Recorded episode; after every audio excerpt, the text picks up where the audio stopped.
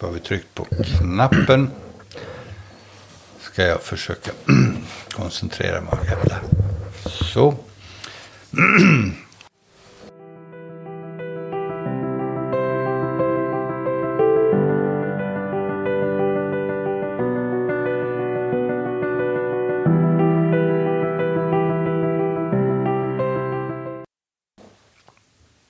Hej och välkomna till tredje avsnittet av Daidalos-podden.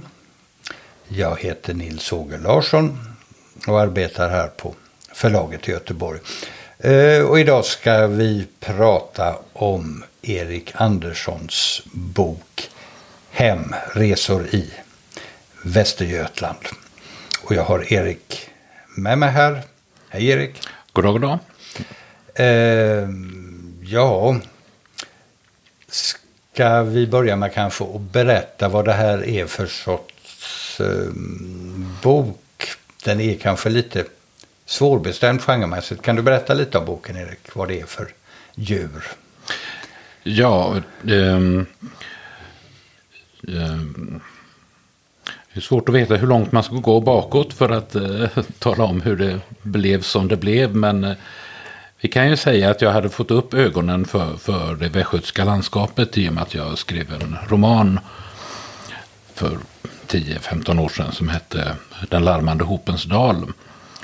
Och eh, när den var klar så eh, hade så var jag ändå inte klar liksom, med landskapet. Utan jag, jag hade liksom fått smak på det här att, eh, att uh, åka ut och titta på olika miljöer och, och så här. Och uh, då försökte jag hitta på ett sätt att täcka in landskapet. Och eftersom det då är indelat i, det finns ungefär 500 socknar i Västergötland så tänkte jag att det går ju inte, jag kan inte åka till alla de här ställena under min mm. livstid, det är för många.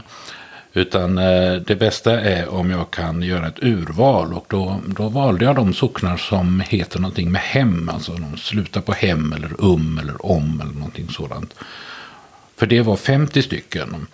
Och eh, då, eh, jag visste ju att, eh, att det var också, det var väldigt gamla platser. Det, det, det, en gammal typ av ort, ortnamn. Det tyckte jag verkade bra. Man kanske ska eh, tillägga att du kommer från Västergötland själv också. Ja, men jag hade ju mest, eh, ja som man gör, jag hade ju mest varit i trakterna omkring där jag bor. Mm. Egentligen hela eh, Skaraborgs län var ju eh, okänt för mig och främmande. Mm. Men det hade jag lite grann fått smak på när jag, under arbetet med den där romanen. Um, och nu visade det sig att de här hemorterna låg uh, i, till övervägande del just i Skaraborg, ute på slätten där. Uh, mm. Och uh, det tyckte jag också var... Ja, jag vill gärna lära mig mer om det landskapet. För jag känner mig lite främmande där. Man, man kommer ut och, och det är alldeles platt och det finns inga trän och det, det är bara massa mm. åkrar och uh, ja, jag märkte ju att varje gång jag kom in i ett skogsparti så liksom pustade jag ut och tänkte åh, nu är man äntligen i, i en skog igen.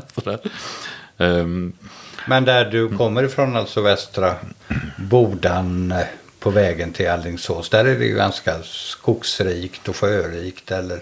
Ja, det är ett väldigt kuperat landskap. Ja med sådana här eh, istidsåsar och eh, ömsom ganska mager jord och eh, här och var en del eh, mera bördiga ställen. Men, men mm. det är ju inga i, jätteåkrar eller så. Det, det, är det ju inte. Det. Men Skaraslätten, är det lerslätt eller vad är det? För det är väl ganska bördigt eller? Ja, det är ju väldigt bördigt.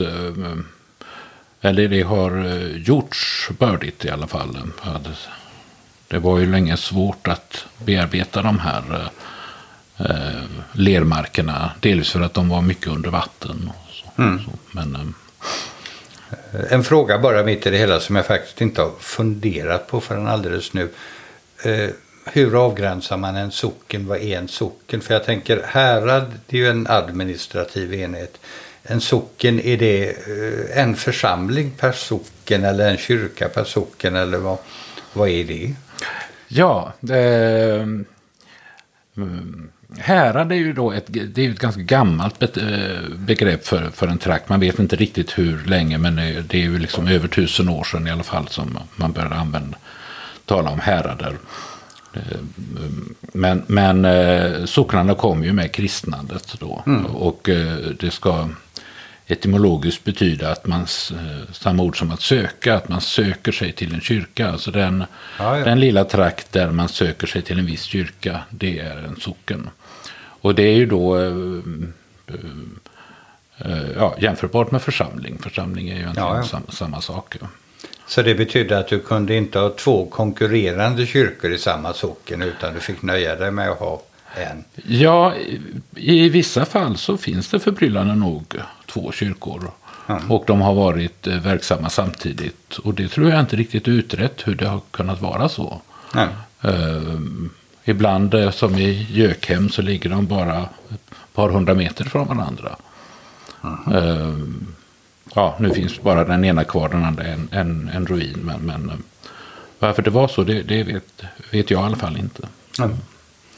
I varje kapitel, varje kapitel handlar om en bestämd socken som du var genomströvat till fots. Eh, texterna var från början tidningsartiklar, eller hur? Ja, det stämmer det. Ehm, Eh, det var lite grann av en slump att jag blev eh, tillfrågad om att eh, medverka där på Världens gång.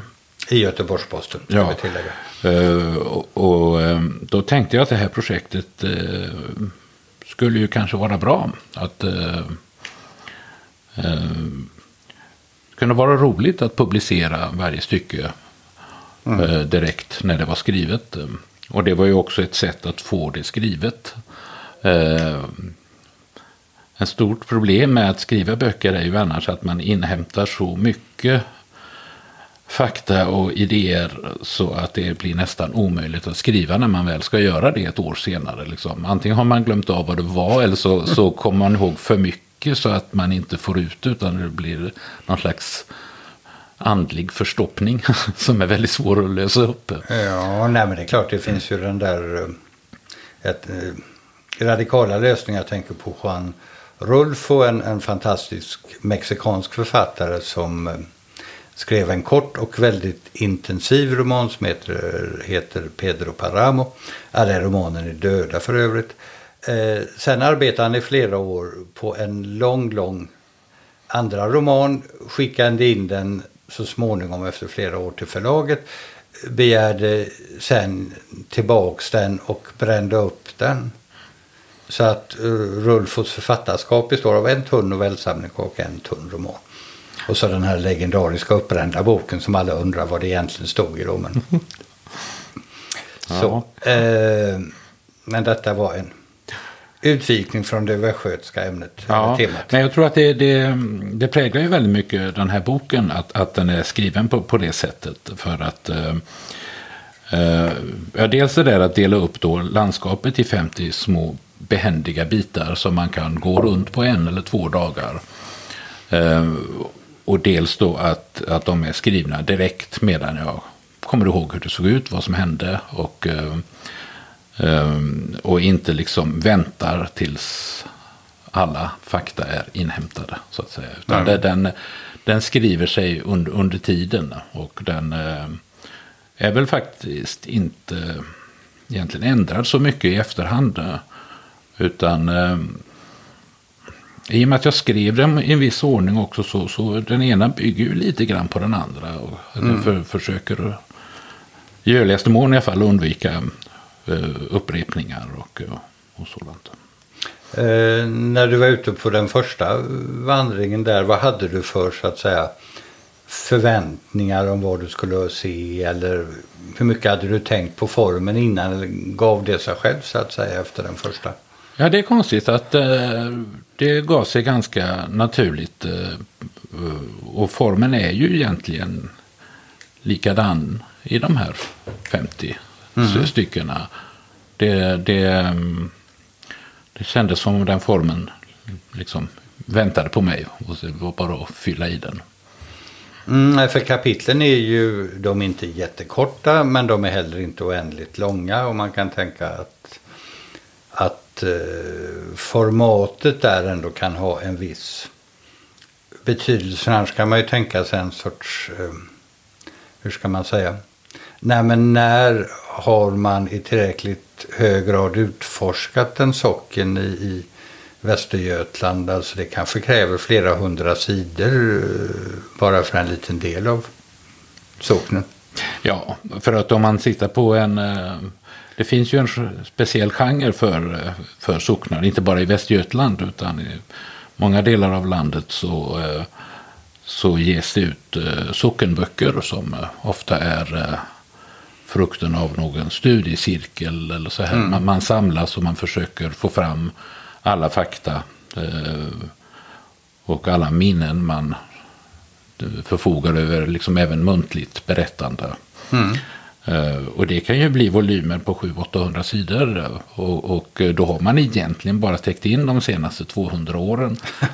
det som är tidigare, man har ett kapitel om geologi i början, liksom, men det är inte riktigt det som driver projektet. utan eh, ehm, det är ju egentligen eh, övergången från eh, ja, den sista tiden för, för, för jordbrukssverige som han vill dokumentera egentligen.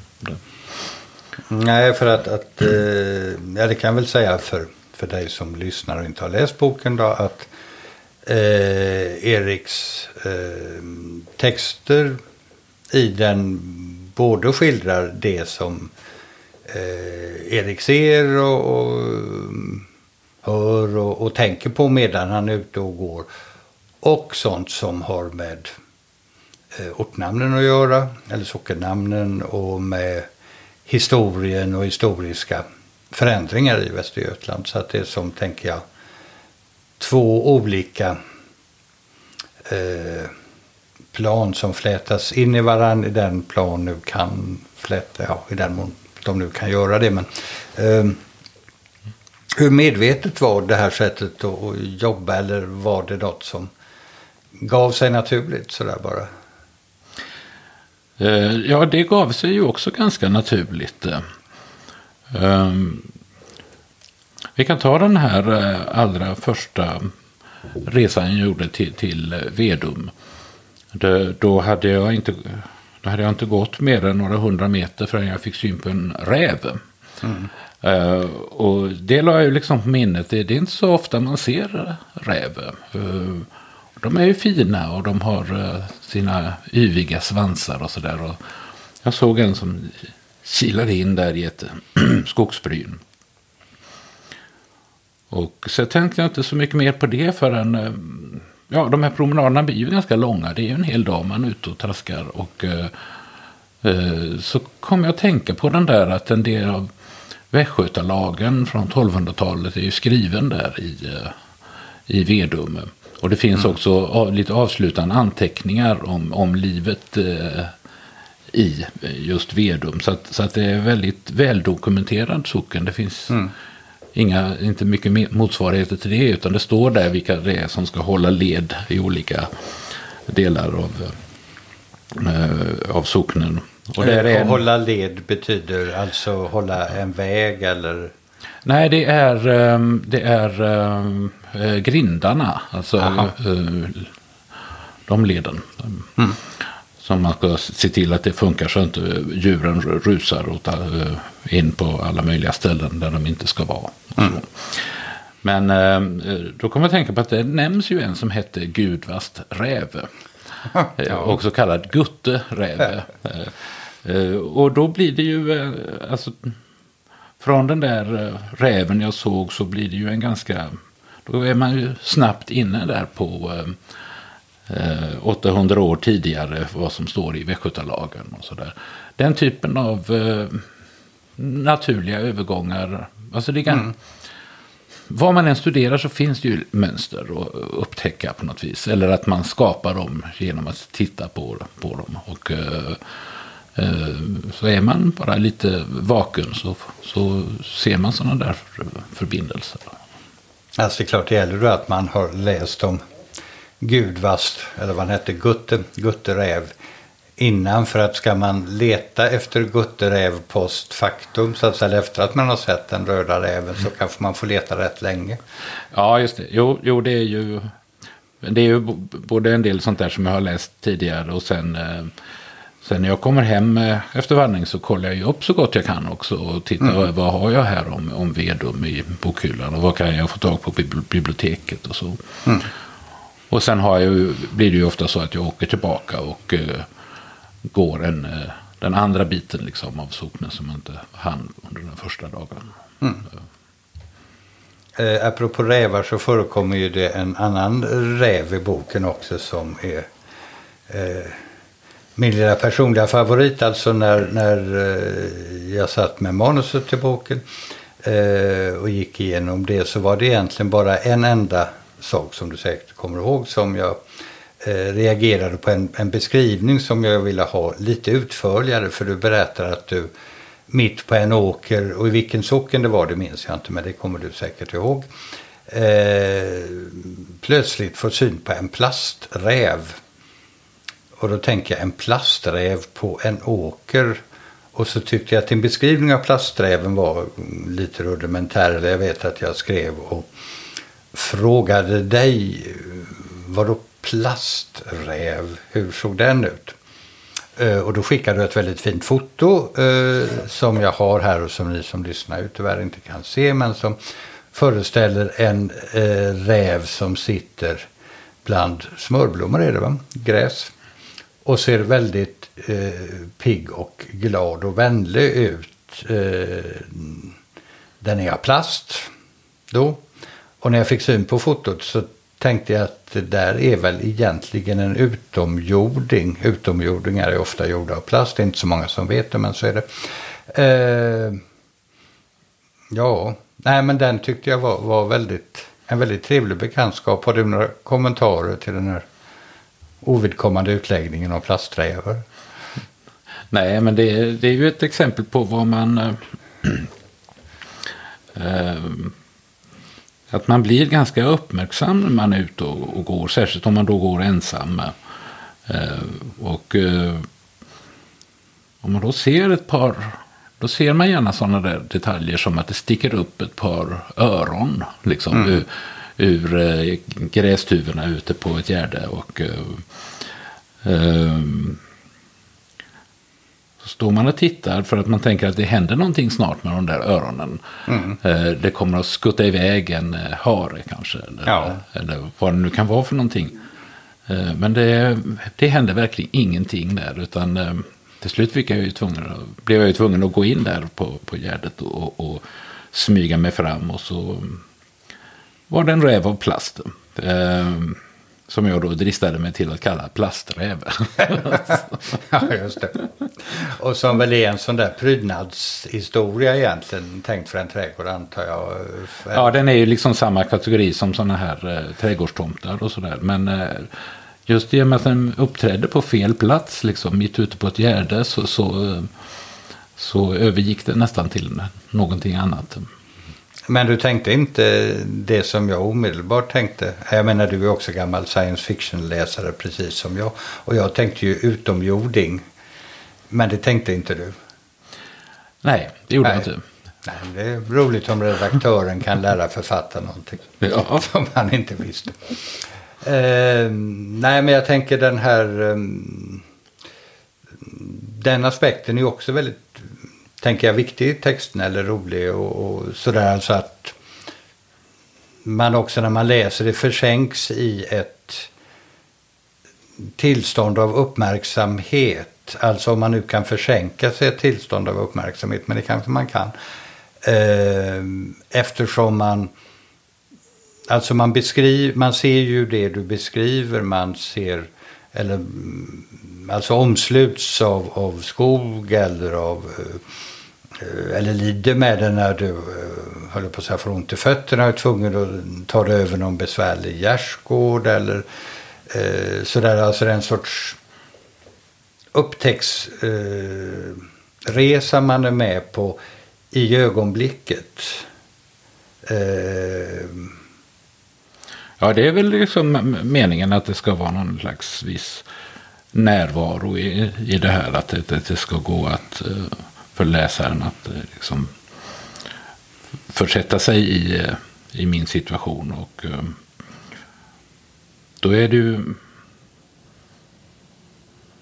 Ja, då är det också roligt om man kan skriva på ett sånt sätt att, att man inte förklarar ihjäl alla saker som man ser. Mm. Utan att ibland dyker det upp saker som man kanske inte är helt på det klara med egentligen vad det är heller.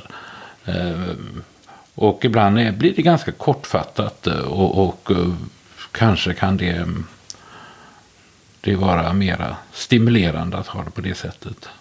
Och jag tror att om jag inte hade haft den där begränsningen på eh, omfånget här, att jag ville ha alla stycken liksom lika långa. Eh, då hade det nog blivit också betydligt längre på, på många ställen. Eh, mm. Det är ju mer tid, lite paradoxalt så är det ju lite mer tidskrävande att skriva kort. Eh, för att mm. man, man, det här koncentrerandet det, är, det tar lite kraft. Och, och, men det, jag tycker det är fint när det kan, när det kan vara koncentrerat. Så att säga. Eh, jag tänkte faktiskt be dig läsa ett litet stycke.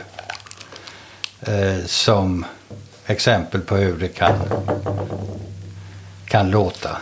För det kan väl vara roligt för ja, lyssnarna att få höra detta. Tänkte jag. Jag ger mig upp mot toppen av Hunneberg på en bred asfaltsväg. Det är väldigt välordnat allting. Här finns informationstavlor så fort man undrar något och tydligt utmärkta stigar. Jag går till torpet Löne. Alla byggnader utan, utom jordkällaren är borta, men man håller efter gräs och äng. När jag fortsätter mot Grinsjö talar en skylt om att jag går genom Öjemossens naturreservat. Här befinner du dig på bergets lägsta punkt, står det. Jag är född och uppvuxen i Västergötland och har i stort sett aldrig bott någon annanstans. Så det är klart att jag älskar landskapet. Men eh, jag tycker att det här borde vara oemotståndligt för vem som helst. Bergets lägsta punkt. Matterhorn är 4478 meter högt. Ja, men hur lågt är det, undrar västgöten. Ja, nej, men det är ju en fråga man kan ställa sig hur lågt ett berg är. Och jag tänker att det är väl också den typen av, av reflektioner som spontant infinner sig. Eller så känns det i alla fall i din bok. Det finns ingenting som eh, jag skulle kalla försökt eller ansträngt i den. Utan den känns väldigt avspänd men ändå fokuserad. Ja, det är ju, man får ju liksom ta tillfällena i akt där de kommer. Förutom det där, den där lite lustiga formuleringen på den här eh, informationstavlan så, eh, eh, så är det ju en väldigt typisk situation det där att man kommer fram till ett torp som inte finns. Att det, det, mm. det är mm. bara husgrunden kvar och man ser en grund efter en eh, laggård. Men man ser jordkällaren, för jordkällaren är i allmänhet kvar. Det, det, så, så ser det ut. Mm. Eh, något som jag också tänkte på i, i har tänkt på när jag läst boken eh, är ju att du ibland associerar åt det irländska hållet i synnerhet. Eh, alltså när du ser västgötska kor så tänker du på irländska kor. Eh, och att jag tänkte på det när jag läste beror väl kanske på att jag ju vet att du har sysslat mycket med irländsk litteratur och du har översatt Joyce och, och eh, så vidare. Eh, och dessutom varit mycket på, på Irland och de brittiska öarna. Så, eh, var det någonting som medvetet fanns med när du var ute och gick i Västergötland eller infann sig de irländska korna så att säga mm, av, alldeles av sig själva? Ja, det, det, det gick nog av sig självt men, men um, um, men det är klart att jag har haft eh, enorm nytta av det här eh, irländska intresset och att det egentligen är på det sättet som jag eh, blivit västgötaintresserad. Alltså det, det är väldigt annorlunda på Irland det här. Jag ser ju på sätt och vis ett dåligt exempel för han är ju han är bara intresserad av Dublin. Mm. Han, han eh, begriper ingenting om landsbygden. Och läser man Ulysses så, så får man nästan... Eh, det kommer en prom med torv på ett ställe. Ja, ja. Eh, med, med, och, men annars är det väldigt lite om eh, landet utanför Dublin. Men Patrick Kavanagh tänker jag som du har översatt också. Ja, det där är ju en helt annan sak med, ja. med, med en, eh, med en uh, diktare som är född bland åkrarna i Manahan och uh, ja, som alltså var bonde. Tills han vandrade in till Dublin för att bli litteratör. men där är ju ett självklart intresse för, för, för, um,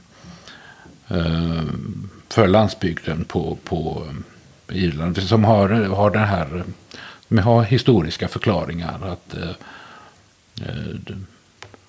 när man Ja, de försökte ju under många hundra år att bli kvitt engelsmännen. Och mm. eh, om man då skulle liksom framhålla det, skapa den nya eh, irländska nationen så, så kunde ju inte riktigt eh, Dublin vara centrum för det. För Dublin var ju på sätt och vis en engelsk stad. Mm. I, fast på Irland. Där var ju hela den förtryckande förvaltningen ja, så att säga. Utan det som man framförallt började lyfta fram från mitten av 1800-talet det var ju eh, västkusten. Mm. Uh, och det var ju också de allra fattigaste delarna av landet. Och det var där som det iriska språket hade lyckats uh, bita sig kvar. Liksom. Uh, mm. Och, och, och, det, ju, det har gjort att, och ända sedan då ja, 20-talet när, när man blev en egen nation så så alla nationer ger ju ut mycket böcker för att befästa sin mm. idé så att ja, säga. Eh, det gör ju, ja, det gör ju alla nationer. Men, men eh, där blev det ju väldigt mycket påkostade stora verk eh, om vissa delar av, av mm. landsbygden. Och gärna då på på västkusten. Gärna också öar utanför västkusten som på något vis mm. var ännu bättre än den här. Eh, Irland är ju, är ju visserligen själv en ö, men en ö utanför en ö, det blir liksom, eh, det blir bara bättre utav, utav det. Och, och då tänkte man ju hur, eh, alltså i Sverige är eh, det kändes ju inte riktigt som landsbygden var på topp här. Det var en annan värdering utav, ja, ja. Eh, eh, alltså ända sedan eh, den här urbaniseringen kom igång så har ju eh, landsbygden ansetts som hopplöst efterbliven och förmodligen inte värd så stort intresse.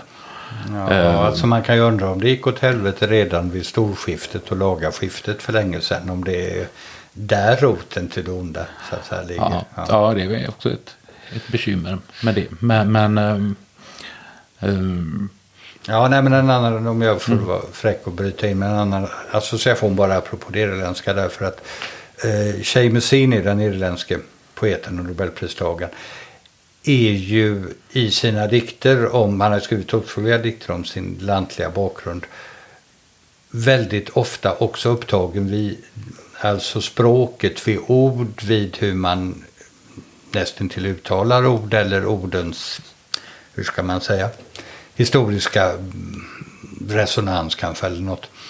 Eh, och det kanske också är någonting väldigt irländskt. Men den iriska kulturen var ju inte en skriftkultur på det viset utan väldigt muntlig. Och jag tänker att det kanske har gett den irländska litteraturen en, en särskild lödighet. Eh, I din västgötabok ser du egentligen väldigt ofta också på spår, alltså dels efter ortnamnen, vad betyder de egentligen?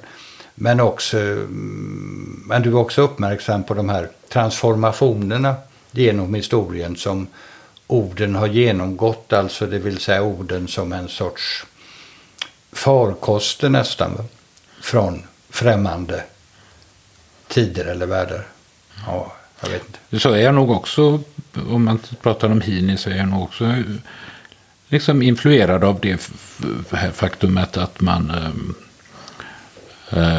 att man talar om platsens poesi till exempel. Att mm. hur, hur litteratur och plats eh, påverkar varandra fram och tillbaka. Liksom. Mm. Det, det, eh, det blir ju också det är också någonting att tänka på när man är, när man är ute och, och går. När man liksom ja, när man läser landskapet så att säga. Eh, är det någonting som du tänker på för egen del när det gäller skrivandet. Hade Erik Andersson varit en helt annan sorts författare om han till exempel hade kommit från Ystad istället? Nej, det tror jag egentligen inte. Eh, det, det ehm, alltså det ehm, Nej, jag hade nog gått in med liv och lust i den skånska litteraturen. Där alltså. ja. det, Skåne är lite ett specialfall i Sverige. De har ju en hög uh, självuppfattning. Uh, mm. uh, liksom man kan säga att även litterärt, alltså även, nästan som värmlänningar. Att, att det är mm. lite ett och västerbottningar. Ja, så så alltså, det finns ju undantag till den här uh, stadsdominansen. Och när man egentligen, när man tittar lite närmare på 1900-talets svenska litteratur så, så, så är, den är ju väldigt lantlig. Eller den handlar väldigt mycket om, mm. uh, om uh, omvandlingen av, av landsbygden. och de olika mm. Mm åtgärder liksom som, man, som man gör. Vilket väl egentligen kanske inte är så, så konstigt på sätt och vis eftersom, eh, tänker jag, eftersom Sverige, i likhet med Irland för övrigt, är ett ganska ungt land ändå. På många vis. Alltså jag menar urbaniseringen kom, kom sent till Sverige trots allt. Ja, det kan man ju, det kan man ju säga. Det, det, det finns ju inget Damaskus liksom, ens i Västergötland. Nej. Mm. Eh, apropå Västergötland och litteratur bara. Vad finns det för västgötska författare mer än du själv? Eller vilka fler finns det? Eller finns det västgötalitteratur utanför det rent lokalpatriotiska? Jag är väldigt obildad måste jag erkänna. När det gäller det här. Ja, alltså det... det en av de första stora romanförfattarna som Sofie von Knorring var ju född i Gräfsnäs på, mm. uh, i mina trakter. Och även um, Nils Hasselskog från um, Grönköpings veckoblad var, ja, var, var ju uppvuxen i Alingsås. Och uh, Birger Sjöberg från uh, Vänersborg, just det. Vänersborg och Karin Boye från Göteborg. Och, och uh, ja, det finns, finns ju en del. Johannes Edfält, eh, Östen Sjöstrand. Och, mm, ja, just det. Ja, så det, det, det kan man nog säga att det finns en del. Mm. Men det finns ju inget, eh, det går ju inte att jämföra med, med Värmland. Alltså, eller sådär att, att, um, att man liksom träder in i någon, någon stor här, något stort härligt tillstånd på något sätt. Västgöten är också kanske till sin uh, natur lite annorlunda. Och flera av de här författarskapen är ju uh, lite ironiska, lite uh, står lite utanför och, och, och lite skildrar lite komiskt saker och ting. Uh, ja, kanske inte Östen Sjöstrand direkt. Nej, det tänker jag kanske mera på, på Knorring och uh, Hasselskog och, och så. Ja, men du har läst Knorring förstår jag. Jag har aldrig hört talas om henne, det måste jag erkänna. Ja, jo, men hon är ju samtida med, med Fredrika Bremer, debuterade mm. ungefär samtidigt. Och, uh, um, och var professionellt så att säga verksam som författare? Eller? Ja. ja. Är hon läsvärd? Ja visst. Ja. Visst hon är, har en, eh, en väldigt speciell, lite ironisk stil. Alltså. Det, det, mm. En sak som jag har tänkt på Erik ytterligare är ändå det här urvalet av ställen. För du valde alltså ställen där namnet hem finns i, i sockennamnet, eller hur? Ja, och det är ju, gäller ju också då ställen som, som Lerum och Hajom och andra. Där det liksom har, de har nötts ner genom seklerna, de här namnen. Och blivit lite förändrade. Det då var det Lerhem från början. Men eh, eh, den stora glädjen med det här eh, urvalssystemet är ju att eh, man slipper eh, välja själv. Mm. Utan här finns det då en lista på 50 ställen och jag kanske hade varit på kanske inte mer än en 5-6 stycken innan dess. Eh, och eh, jag, jag, något av det roligaste med, med, med de här resorna var ju att man åker till ett okänt ställe, man parkerar vid kyrkan, man kliver ut och man ser sig omkring och så tänker man, ja, vad ska det här bli? Mm. Kan det finnas någonting att skriva om här egentligen? Det här ser ut som ungefär det jag var för en månad sedan. Det är lite åkrar och det är en kyrka och det är lite hus här och var. Och... Ja, ja, vem vet, jag sätter igång här. Och så så går man iväg och så liksom så skärper man sina sinnen eh, mm. timma för timma. Och, och, det blir alltid så att det, det, det händer något helt oförutsett. Den där plasträven är ju liksom en sån här sak som ja. man inte, man kunde inte ana det från början. Um, och, och så, så är det också roligt liksom att försöka väva in det med den där uh, den där ständigt pågående berättelsen om hur, hur ser det ut på det här stället och hur, eh, vad finns det liksom för fornfynd, hur länge har, hur har folk bott, bott och arbetat här? Och, eh, och så det här liksom helt färska intrycken, mm. alltifrån eh, vad är det för blommor som jag förmår se vad det är för några? Och, och vad det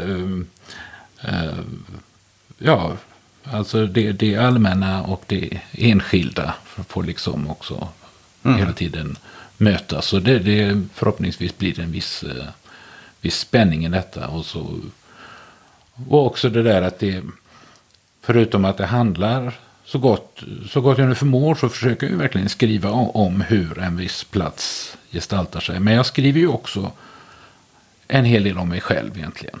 Mm. Eh, och, och, som en ja, som en författare brukar göra. Alltså om man liksom jobbar litterärt så är det ju också en undersökning av en själv. Eh, och, eh, mm.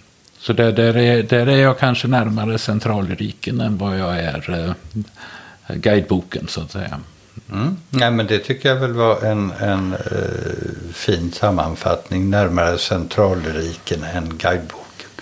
Eh, en bra beskrivning av, av din bok. Sen kan man väl bara parentetiskt nämna att det förekommer också en och annan levande människa i den. Inte bara rävar av olika sorter och kor och så utan det är också en och annan västgöte som, som dyker upp och som du pratar med. Fast, eh, för jag vill säga att jag, jag pratar ju med mycket mer folk än vad som framstår här. Eh, så jag har väl egentligen försökt att inte skriva så mycket om om människor. Det, ibland mm. har jag inte kunnat låta bli det för att det har varit så intressant. Eh, men, men, eh, men jag tycker ju alltid det är roligt och, och, och, om jag får syn på någon att jag, att jag, att jag stannar och pratar en stund. Och, mm. Ja. ja, nej men eh, jag tror väl att ja, vi har täckt in i alla fall några viktiga aspekter i den här eh, väldigt fina boken. Tack för att du kom hit Erik. Mm, tack så mycket. Detta var allt för idag. Tack för att du har lyssnat.